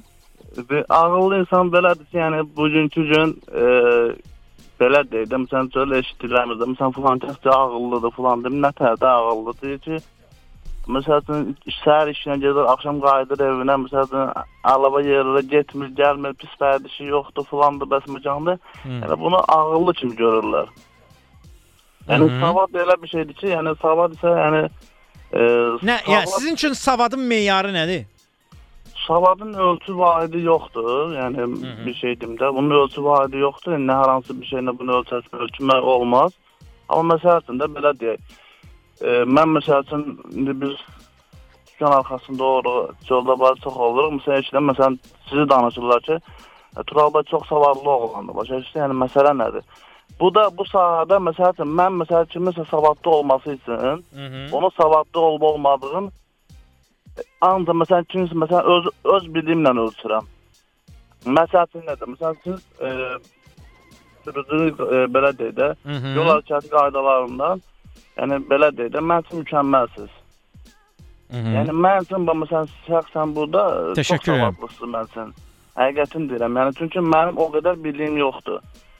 Mən o adama savadlı deyərəm ki, məsələn məndən artıq bilir. Bir müəyyən Yəni bir doğru. mövzuda ixtisaslaşmış və müəyyən bir ə, səviyyədə bilgilərə malik olan insana savadlı insan hesab edirsiniz. Bu sizin meyarınızdır. Müəyyən bir sahədə ixtisaslaşaraq o sahədə bilginin əldə edilməsi. Yəni hər hansı adam var məsəl üçün belə dedi, fizikadan savadlıdır, o sənslərdən belə deyək, belə deyək, adi elementar şeyləri. Yaxşı savadlı olub ağıllı olmamaq kimi bir imkanımız varmı? e, savadlı olub ağıllı olma, yəni ağıl da, yəni ağılın Nədir də, ağıl nədir? Yoxdur. Ağılın bir tərifi yoxdur. Mənim bildiyim qədər bir tərifi yoxdur. Yəni sadəcə bir neçə e, belə deyim də, bacarığın bir şey, bir insanda bir neçə bacarığın formalaşması, yəni ağıllı olduğunu Misal sübut götürmək. Siz özünüzü savadlı sayırsınız yoxsa ağıllı sayırsınız? Savadlı deyəndə vallahi nə, nə ağıllı saymıram. Yəni baxır yəni necə ağıllı saymıram. Yəni mənə bugünkü gün yaşamaq üçün lazım olan məsələn ətrafıma ə, zərərim toxunmamaq qədər yaşaya bilirəmsə, yəni nə, nə təpsim çatdırımsa, Mhm. ə, tam olaraq izah edə bilmirəmsə, amma yəni Yaxşı, misal indi insan bəzən öz üzərindən misal verməkdə çətinlik çəkir və bu tam normaldır və mən bunu qəbul edirəm, amma ə, başqa tərəfdən bir sual verəcəm. Başqa Aha, bir şəxsin üzərindən sual verəcəm. Aha. Leonardo da Vinci sizcə ağıllıdır yoxsa savadlıdır? Yəni ağıllı olub yoxsa savadlı olub? bəlkə də ağıllı olduğu üçün ə, savada yiyələnib. Yəni Mhm. belə deyək. Yəni ola bilər də yəni belə bir şey məsəl üçün e, kiminsə kitaba olan marağı, yəni onun ağıllı olduğundan deyil. Ağıl da yəni elə bir şeydir. Yenə də deyirəm o nisbi bir şeydir. Yəni tam insanda bütün şeylər formalaşa bilməz. Nə də ağılın bir tərifi yoxdur ki, filan kəs e, məsəl üçün filan şeyə görə ağıllıdır. Filan şeyə görə də Hmm. məsəl üçün deyir onu məsələn geri belə dedə tuşladığımız geri zəkalıdan düşünə bilmir. E, yəni ağılın bir ölçü vahidi yoxdur, nə də bir tərifi yoxdur ki, onu yəni filan kəs bu ağıllıdır. Yəni belə bir tərif yoxdur.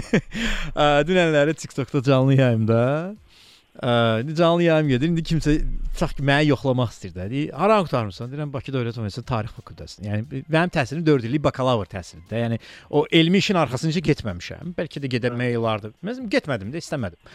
Hə. Yəni dərhal mənə yazıb. Tarix qurtarmısan? Deyirəm, bəli, yaz mənə. Janna Darkı nə vaxt öldürüblər? yəni o elə bilir ki, əgər sən tarix fakültəsini bitirmisənsə, bütün xronoloji şeyləri əzbəri biləcəksən də. Görürsən mənə Bakının 1501-ci il Bakının işğalından soruşarsan. Okay, 1453 Konstantinopolin fəthindən soruşarsanız. Hə mən bunu e, ili e, hansısa günün səhv deyə bilərəm yerini, amma onun necə fəth edildiyini bütünlüklə bənd-bənd sənə deyə bilərəm. Yəni e, e, bəzən bizdə elə bilirlər ki, hər şeyi bilmək yaxşıdır. Əslində e, ixtisaslaşmaq çox önəmli məsələlərdən biridir. Yəni illəri tarixdə Hansı məsələsi? Ayso, ə, analitik bax, bir- bir- bu testdən mənim ona görə xoşum gəlmir ki, əzbərdir. Yəni A, B, C, D hansını seçsən? B, getdin. Məsələn, Çaldıran döyüşü haqqında tarixi bilə bilərlər, amma məğlub olma səbəbi taktika nədən ibarət olub, ə, döyüşdən ə, döyüş olmaya bilərdimi? Alternativ tarix necə ola bilərdi? Sultan Səlim nə məktublarında nə yazırdı? Şah İsmayıl məktublarında nə yazırdı? Bu döyüş 5 il bundan öncədən bilmək olardımı ki, bax belə bir Osmanlılarla Səfəvilər arasında müharibə olacaq? Onu uşaqlar izah edə bilmirlər. Hamı bilir, ə, Çaldıran döyüşündə hə şeylə bir dənə də hekayə var. Başlama tarixi, bitmə tarixini kifayət edir. Hə, hə də testdən keçmək üçün bu kifayət edir. Çünki mənim e, təhsillə bağlı e, gözləntim ondan ibarətdir ki, bizdə artıq uşaqlara kritik düşünmə və analitik düşünmə qabiliyyətinin inkişafı ilə bağlı, e, yəni üstünlüyü ona vermək lazımdır. Yəni insan analitik düşünməlidir və kritik düşünməlidir. Elə qəza da analitik və kritik düşünmədir də. Sən düşünürsən, analiz edirsən, mən burada qəzaya düşməyim və ya düşmə ehtimalın varsa kritik düşünürsən bu vəziyyətdən necə çıxım? Əgər sən bunu keçməmisənsə və bunu sənə öyrətməyiblərsə, yəni analiz edə bilmirəmsə və kritik düşünə bilmirəmsə, yekunda gedirəm qəzaya düşürəm. Yəni bu testin ə, ədalətli tərəfi də çoxdur. Düzdür, əlimizdə olanımız budur. Hələ ki bundan daha ədalətlisi yoxdur. Amma bax belə çatışmayan tərəfi də var ki, əzbərçilik. Yəni bu Testin ziyanı çoxdur mənim bildiyim qədər bu dəqiqə. Ə, o, onu ölçü onu ölçü olaraq götürə bilməyəcəm çünki mən ölçməmişəm, amma hal-hazırda uşaqların biliyinin qiymətləndirə biləcək bəlkə də əlimizdə olan ən ədalətli sistem odur deyə bilmərəm. Amma sizcə hansı sürücülər daha çox qəzaya meylli olurlar? Mövzumuza qayıtsaq. Hansısa tələsən də ola bilər, diqqətsiz sürücülər də ola bilər. Yəni Mhm. bilmə, bilməzlikdən olanlar da ola bilər. Məsələn, yol hərəkət qaydasını bilmir. Mhm. Bilmir yol kimindir orada. Yol verməli olduğu halda görsən girir, qəza törədir. Ee, yəni bir neçə səbəblər var burada. Yəni sırf yəni bir dənə səbəb yoxdur. Yəni burada özü təcrübə, yəni, təcrübə rol oynayır. Aynen. Yəni, Yəni burada ağılın yəni e, belə deyək yəni ağılın orada yəni ağlını işlədib yox. qəzadan qaça bilmə- bilməzmi? Yox, təcrübəsi yoxsa xeyr. Aydın. Təcrübəsi yoxsa xeyr. Çünki biz imtahan verəndə ağıldan yox, bilikdən imtahan veririk orada. Mhm. Aydındır. Təşəkkür edirəm Üzeyir, maraqlı oldu sizinlə Oldu. söhbət eləmək. Oldu, çox sağ olun. Siz sağ olun. Çox həyəcanlı oldum. ha. Ay qardaş, rahat ol. Heç bir problem yox, narahat olma. Yəni ə, həyəcanınızı qoyun bir kənara. Hətta həyəcan ə, kompleksiniz varsa efirimizə çıxıb o həyəcanınızı da sakitləşdirə bilər. Heç bir problem yoxdur. 404 11 22 zəng edirsiniz. 050 730 20 10 WhatsApp nömrəmizdir. Səsli mesajlarınızı göndərə bilərsiniz. Yol hərəkətinə bağlı ürəyiniz hardan istəyir sual verin, cavab verəcəm və deyin görək hansı sürücülər ə, qəzaya düşməyə meyllidir. Malik Bəhmənov telefon xəttindədir. Malik salam əleykum. Axşamınız xeyir. Necəsiz Malik bəy? Sağ olun, bir daha sizi eşitməyimə çox şadam. Təşəkkür edirəm Malik bəy. Və- Ağıllı insanla savadlı insan fərqi nədir? Meyar nədir burada? Ağıllı insanla savadlı insan Vallahi mən o dərəcədə onu elmi tərəfini deyə bilməyəcəm. Yox, elmi tərəfi lazım deyil, sizin fikriniz lazımdır. Ağıllı insan Və vallahi- savadlı insan kimdir, nəçidir? Ağıllı insan heç vaxt müdrik insandır, heç vaxt səhv eləmir. Savadlı insan heç istənilən vaxt- halda səhv eləyə bilər. Yox, mən, mən sizə bir şey deyim Malik bəy. Yəni belə maksimalist olmayın. İnsan hər zaman səhv edə bilər və insan səhv etməlidir. Yox, təbii ki, yəni buradakı fərqi deyirəm. Ola bilər o adamın heç bir elmi elmi savadı olmaya bilər, amma o ağıllı adam ola bilər. Ömrü boyu heç vaxt ola bilsin də mən elə təsəvvür Yox, yəni e, e, e, belə deyək, beynimizi o cür proqramlaşdırmayaq. Məsələn, mənim e, belə deyək, e, oxuduqlarım, həyat təcrübəm, düşüncələrim bu mənim şəxsi subyektiv fikrimdir, amma hər bir insan səhv edə bilər. Təbii. Səhv etməlidir də. Məsələn, siz biznes sahibisiniz. Mənim ən çox sevdiyim biznesmenlər əvvəlcə batmış biznesmenlərdir. Biznesini batırmış biznesmenlərdir. Çünki batanda da yaxşı təcrübə qazanır və batmayan ikinci biznesini eləyir. Batmayacaq üçüncü biznesini eləyir və s. Yəni ə, ə, səhvlər təcrübədir. Təcrübələr bizə öyrədir, müalicə edir, bizə ə, güc verir, qüvvət verir. Yəni səhv etmək normaldır. Ə, bunu anormal şey kimi qəbul etməyə çox xahiş edirəm. Hə. Amma ağlı, məsələn özünüzü ağıllı yoxsa ə, savadlı hesab edirsiniz? Hala ola bilsin ki, hardasa ağıllı, hardasa savadlı, yəni hərəsindən biraz, amma tam nə ağıllı. Biraz yaxşı ya. Nə qədər neçə çimdik? Hərəsindən hərəsindən bir 30-40%, 50%. Yüzü tamamlamaq. Yaxşı var. 10% sonra gəlir 20% öz səhvlərimiz. Hansı siz dediyiniz kimi səhvlər. Ha, yəni o səhvlər insanı ağıllandırır. Yaxşı Malik, hansı sürücülər qəzaya düşməyə meylli olurlar? Qəzaya düşən düşməyə meylli olan sürücülər adətən artıq sükan arxasında oturanda o məsuliyyəti dərk edən insanlar adətən onlar xırda belə də deyək ki, yol qəzalarına düşə bilərlər, yəni o ola bilər. Amma heç vaxt onlar böyük qəzaya düşə bilməz. Misal bax, yanvar Niyə görə həmişə heç vaxt, heç vaxt, heç vaxt deyirsiniz? E? Həmişə hər şey, hər şey ola bilər. Təbii ki, ola Deyir, bilər. atalar deyir ki, heç vaxt, heç vaxt demə. Baxın Tural bəy, bax Aha. yanvar ayında olan bu başımıza gələn yeni il bizi sevindirdi. Sonra da, dalbadal gələn bu qorxunc hadisələr baş verdi. Allah rəhmət eləsin yol qəzasında dünyasını dəyişənlərə. Mən ümumiyyətlə biz nə fikirləşirəm? Baxın, hadisə yerində olan adamlar bəlkə də yarım saatdan sonra, 2 saatdan sonra biz onu bilmirik və ya bir sutkadan sonra, 5 gündən sonra onu kimi hadisə törədə törədilər. Adətən biz bilmirik orada kimlər iştirak eləyir, onu telefona çəkir, bunu işıqlandırır. Amma inanın ki, onu canlı görən adamlar belə elə olur ki, bir gündən, bir həftədən, bir aydan sonra onu kimi hadisə törədir. Bilin ki, səbəb nədir? Səbəb odur ki, səbəb odur ki, burdan nəticə gördüyü hadisədən nəticə çıxartmaq yoxdur. Və ən böyük səbəb də odur ki, inanın ki, yol hərəkət qaydalarını dəqiq bilməyən insanlardır. Yəni ki, avtomobilin, sürücü avtomobilin hansı dərəcədə olduğu, lap lap yeni olsun belə. İnsan bu gün görürsüz qar yağıb, buz var, ara bir, yəni deyək ki, bu normaldır. Ehtiyatlı sürən adam, interval saxlayan adam heç vaxt demək olmaz ki, belə dəhşətli qəzalara səbəb ola bilər. Ancaq xırda qəzalar. Oradakı hadisədən sonra inanın ki, sabah 3 gündən sonra, 5 gündən sonra mən oradan gördüyüm bir insan sabah görürəm ki, onun sürüş qaydasını mən görürəm ki, o heç bir nəticə çıxartmayıb. Nəticə çıxartmaq bax, istəmirik ki, belə hadisələr baş versin və bunun hamısının başında inanın ki, məsuliyyətsizlikdir. Diqqətsizlikdir və gördüyü nəticədə oradan düzgün analiz eləməməkdir. Axırda da gətirir belə dəhşətli qəzalara çıxarır. Aydındır. Ə, buyurun ə, deyə ə, demək istədiyiniz desən başqa bir şey var. İstədiyim Tural bəy bir dənədir. Elə bir biz bu yük maşınlarla bağlı bir e, bir məsələni istəyirdim sizlə aydınlaşdıram. Mənim atam atam deməli ə, 66 yaşındadır və onda yük maşınıdır özünün şəxsi. Və o yük maşınından özü üçün, yəni belə də dolanır. Özü qaldıran, ruscasında desək samasval şəxsi maşınıdır. Mhm. Və onu axırı bu 1-2 ayda bu oktyabrın 27-sindən çıxan qanundan sonra bunu şəhərə buraxmırlar. Yəni Bakıda istənilən yerdə biz yaşayırıq bu Xətai rayonunda. Və bunu bir dəfə cərimə elədilər və ondan sonra bu adam avtom bu öz maşınını yük maşını Yəni nə edirsənsə gecə elə, səhər eləmə. Tıxacın adan qaldırması üçün. indi Hə. problem nədir? Burada 5 tona qədər belə bir qanun çıxıb.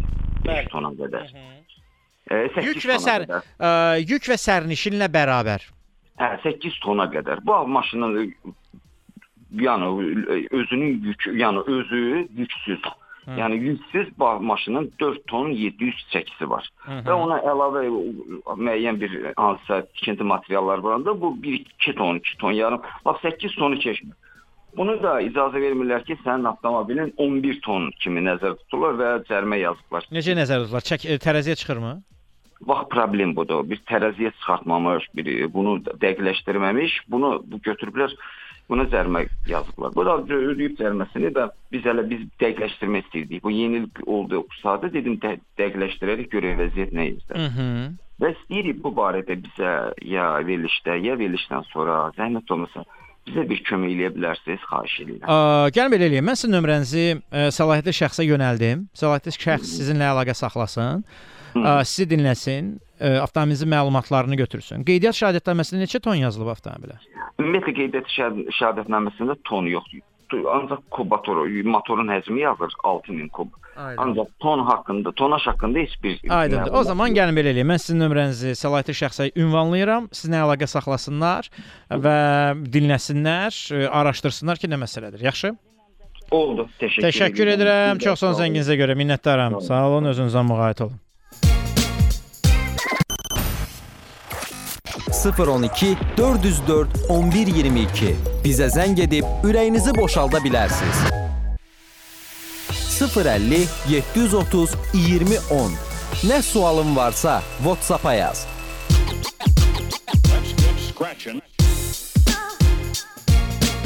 Ağıllı insan LED lampa quraşdırmayandır. Savadlı insansa LED-i yayıcı ilə quraşdırandır. 9035. İndi daha hansı da üstündür? Ağıllısı yoxsa savadlısı? 404 11 22 zəng edirsiniz. 050 730 20 10 WhatsApp nömrəmizdir. Səslə mesajlarınızı göndərə bilərsiniz. Yol hərəkəti ilə bağlı ürəyiniz hardan istəyir sual verin. Mən sizin sualınıza cavab verəcəm və həmçinin dostlar deyin görək. Çox maraqlı bir məsələdir. Deyin görək hansı sürücülər daha çox qəzaya meyllidirlər? Müşahidələriniz nə deyir, təcrübəniz nə deyir? Baxın, ə, sutkanın qaranlıq vaxtıdır, yağmurlu hava şəraitidir ə, və proqnozlar hava haqqında nə deyirlər? Bir dənə ə, ona da baxsaq. Ə, deməli 2 gündür ki qar yağır. Bax bu dəqiqə yolun sürüşkən səthidir. Mənfi 2 dərəcəyə gecə, mənfi 2 dərəcəyə qədər temperatur düşəcək və buludlu hava şəraiti olacaq. Yəni qar olmayacaq. Ə, Bazar gününə qədər yağmurlu hava şəraiti olmayacaq. Bir dənə bazar günü yağış gözlənmə ehtimalı da var. Amma temperatur 0-1 dərəcədir. Yol da yaşdır. Deməli, temperatur 0 dərəcəyə düşəndə və onun ə, mənfi 2 dərəcə olacaqsa, deməli, yol səthi də donacaq. Bu o deməkdir ki, avtomobiliniz sürüşə bilər. İzah edə bilərəm. Ona görə biraz daha ehtiyatlı davranın, ara məsafə saxlayın. Qəzaya düşmək o qədər də yaxşı bir şey deyil. İndi birazdan bizim e, bu saat üçün, ya bu gün üçün sonuncu dinləyicimiz telefon xəttində olacaq. Ona da söhbət eləyəcəyik. 404 11 22 telefon nömrəmizdir. 050 730 20 10. WhatsApp nömrəmizdir. Səsli mesajlarınızı göndərə bilərsiniz. Hansı sürücülər qəzaya düşməyə meyillidirlər? Qabil telefon xəttindədir. Qabil salam əleykum. Salam əleykum Tural müəllim. Vaxt Qabil? Aqibətiniz xeyir olsun. Şükür, Allah şükürlər olsun, yaxşılıq, salamatlıq. Aa, Qabil ə, ağıllı sürücü ilə ə, sa- daha doğrusu sürücünü demək orada. Ağıllı və savadlı insan arasında hansı fərq var? Varmı ümumiyyətlə fərq? Əlbəttə ki var. Nə fərq var? Əlbəttə ki var. Məsələn götürək Stephen Hawkins, Hawkins nədir? Məsələn onu. Stephen Hawking. insandır. Aha. Ay, sağ ol. İdi, rəhmətə gedib. İdi, yetdi, rəhmətə gedib. Hı. Rəhmətə gedib, rəhmət, belə deyək də. Yəni bu savadlı insan idi hardadsa, hipotezələr irəli sürürdü, neyinirdi, belə şeyləri var idi. Hı -hı. Amma ağılsız insan, insan idi ki, Allahın varlığını qəbul eləmirdi. Məsələn, mənim üçün savadlı insan ola bilər ki, fizikdir, savadı var, hər şey oxuyur, Hı biz -hı. elmlər namizədidir. Amma bunun ağlı gətirib, ağılla, məntiqlə düşünə bilmir ki, yaradılış var, ya nəysə var, Allahı qəbul eləmir. Ya onda Mən onun o, o ə, onun belə deyək də hür iradəsidir də. Onun özünün bir arqument, özünə görə bir arqumentləri var. Onun hür yəni- iradəsidir. Yəni bir adamın inanmağa, inanmaqda azaddır, digərinsə isə inanmamaqda da azaddır. Düzdür? Yox, bu e, Allahın e, varlığı inamdan irəli gəlmir də. Allahın varlığı ağılla, məntiqlə dərk olunur. Aha. Yəni, Yəni onu e, varlığı o səbəb edirsiniz ki, savadlıdır, amma ağlı olmayıb, belə deyirsiniz. Savadlıdır. Bu adam məsələn deyəndə yenə götürürəm ki, deyək ki, e, kimyadan mı, ya fizikadan mı, ya hər bir şeylə də bu fi- kvant fizikasından da çıxır, fəzadan çıxır və e, hər şeyi görür, dərk edir ki, burada qeyri-adi bizdə bu yaradılış qeyri-adidir. Bu savadla geri çıxır oradan. Amma orada ağıl gətirib çıxartmır ki, bunun ağılla, məntiqlə bunun arxasında nə isə var axı. Bu mən, mənim üçün, mənim şəxsi yəni obyektiv. Okay, Stephen Hawking'i qoysaq Qabil, siz özünüzü savadlı hesab edirsiniz yoxsa ağıllı hesab edirsiniz? Mənim e, qutarmağa universitet qutarmışam. Yəni o müəyyən ona lazım olan savadla hə qutarmışam. Özüm üçün o o mərhələdə savadlı hesab eləyirəm. Yəni o üçün, o şey üçün. Amma digər üçün məsələn bir mövzuda danışarlarsa mənim o savadım çatmasa mən orada savadlı insan kimi olaram. Okay, indi nə ağıllısınız Ağıl yoxsa savadsız? Ağıl tərəfindən ağıl tərəfindən də yanaşsaq, kimsə mənə etdiyim hərəkətə görə deyir, "Ha, bu yaman ağıllı oğlandır." Amma bir də bir digər hərəkətimi, görür, deyir, bu ağılsız adamdır. Yəni onun meyarı yoxdur ki, o meyarla deyəsən ki, mən mən özümü məsələn hesab edirəm ki, nisbi ağıllıq belə də. Onda Stephen Hawking'i niyə görə ağlına şübhə etdiniz ki? Yəni o meyarı yoxdur axı ağlın. Yox, mən şeyinə dedim də, dedim Allahı qəbul eləmirsə. Okay, o, onun ağılsız mən- olmağı e, e, anlayışı e, ağılsız olma ehtimalı da deyil də. O sadəcə özünün e, inanc dünyası var. Biz ona hörmətlə yanaşmalıyıq. Yəni biz deyə bilmərik axı o ağılsızdır. Axı bizim meyar yoxdur axı, ağıl ölçmə meyarımız yoxdur axı. Yəni ruhi xəstələri çıxsaq, ruhi xəstələri, psixolo ə, belə də psixiatrik problemləri olan şəxsləri çıxsaq, bizim əlimizdə ölçü vahidi nədir? Ağıl ölçmə. Özünüz dediniz axı ki, belə bir meyar yoxdur axı. Biri sizə deyir ki, ağıllı oğlandır, o birisi deyir ki, yox, ağıllı da yoxdur. Yox, psixik xəstələr bilirsiz nəfərdir. Orada e, çox təəssüflər olsun ki, mən mən o psixik xəstəliyi olan yəni mənim Hı hı. e, ailəmdə varımdır. Yəni Hı hı. mən onu illərdir yaşayıram, bilirəm Hı. o nədir. Hı -hı. Onun nə olduğunu bilirəm. Psixik xəstələrdə o ağılsızlıq deyil. Onlar hətta birdən elə ağıllı söz danışırlar ki, sən özün də oturub qalırsan, baxırsan ki, deyirsən ki, bu hardan Yox, okey, mən onu ə, mən onu ona görə kənarlaşdırıram ki, o belə deyək də ə, bizim ə, qəbul etdiyimiz ə, adekvatlıq onlarda olmur da. Siz proqnozlaşdıra bilmirsiniz ki, 1 saniyə, 2 saniyə sonra hansı reaksiyalar Bəli, ola bilər. Düzdürmü? Yəni bu bu da bir ə, müəyyən bir ya genetik ola bilər, ya da daha sonradan alınmış travmalar nəticəsində ola bilər. Bu tam ə, belə deyək də ə, ona görə kənarlaşdırıram. Amma mənim dediyim odur ki, bizim üçün bir meyar yoxdur axı. Özünüz dediniz ki, ağlı ölçmək üçün bir meyar yoxdur. Nəyə Bəli, görə Hawkingsə bəli. inanmadığına görə ağılsız deyəsiniz ki, yəni. biraz biraz qəribə çıxdı mənim üçün. Yəni həqiqətən mənə qəribə gəldi. Yəni belə rus ru- rusca deyəcəm. Hawkingsi Nipraf çıxardan ilk Azərbaycanlı Qabil Fərhadov. Yaxşı. Qabil hansı sürücülər qəzaya düşməkdə meylli olurlar? özünü arxayın sürücülər. Özünü arxayın sürücü. Arxayın, arxayın yəni mən ayağımdadır da, qazdır, tormozda əyləşdir, ayağımdadır. Yəni mən hı. hər bir variantda bu şeydən çıxa bilərəm, amma yox. Çünki bu e, avtomobil elə bir şeydir ki, Hı bir hı. saniyə çönərsən göründən deyək ki, nə isə götürməyə, bir o həmin saniyədə qəza törədə bilərsən. O sükan arxayınçılıq sevmir. Mənim fikrim belədir, düşüncəm belədir. Aydındır. Qabil başqa su sualınız varmı? Deyəcəyiniz bir şey Sağ varmı? olun, sağ olun, sağ olun. Təşəkkür edirəm. Qabil, minnətdaram. Xoş oldu sizinlə söhbət eləmək. Təşəkkür edirəm. Buyurun, sağ olun. Çox sağ olun, minnətdaram.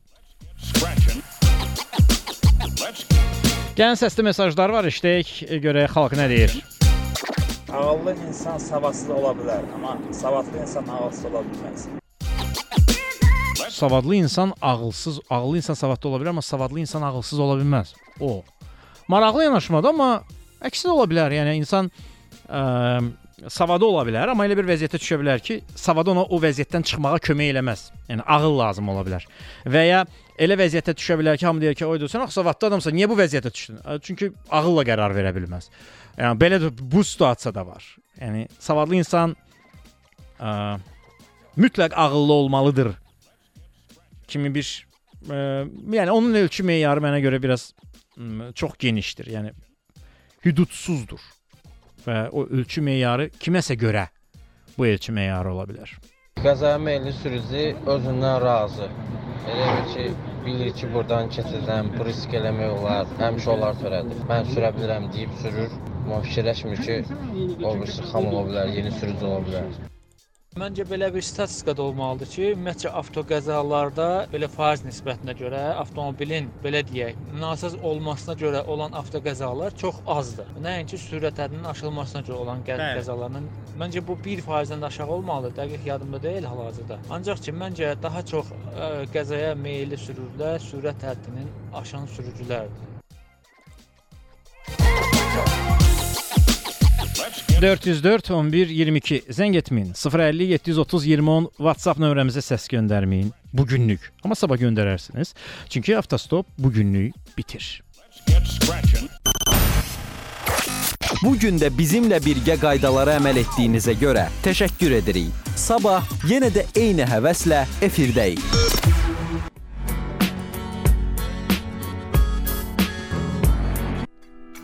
Maşındakı uşaq öz kreslosunda əyləşib, nə gözəl, sizdən danışmaq lazımdır.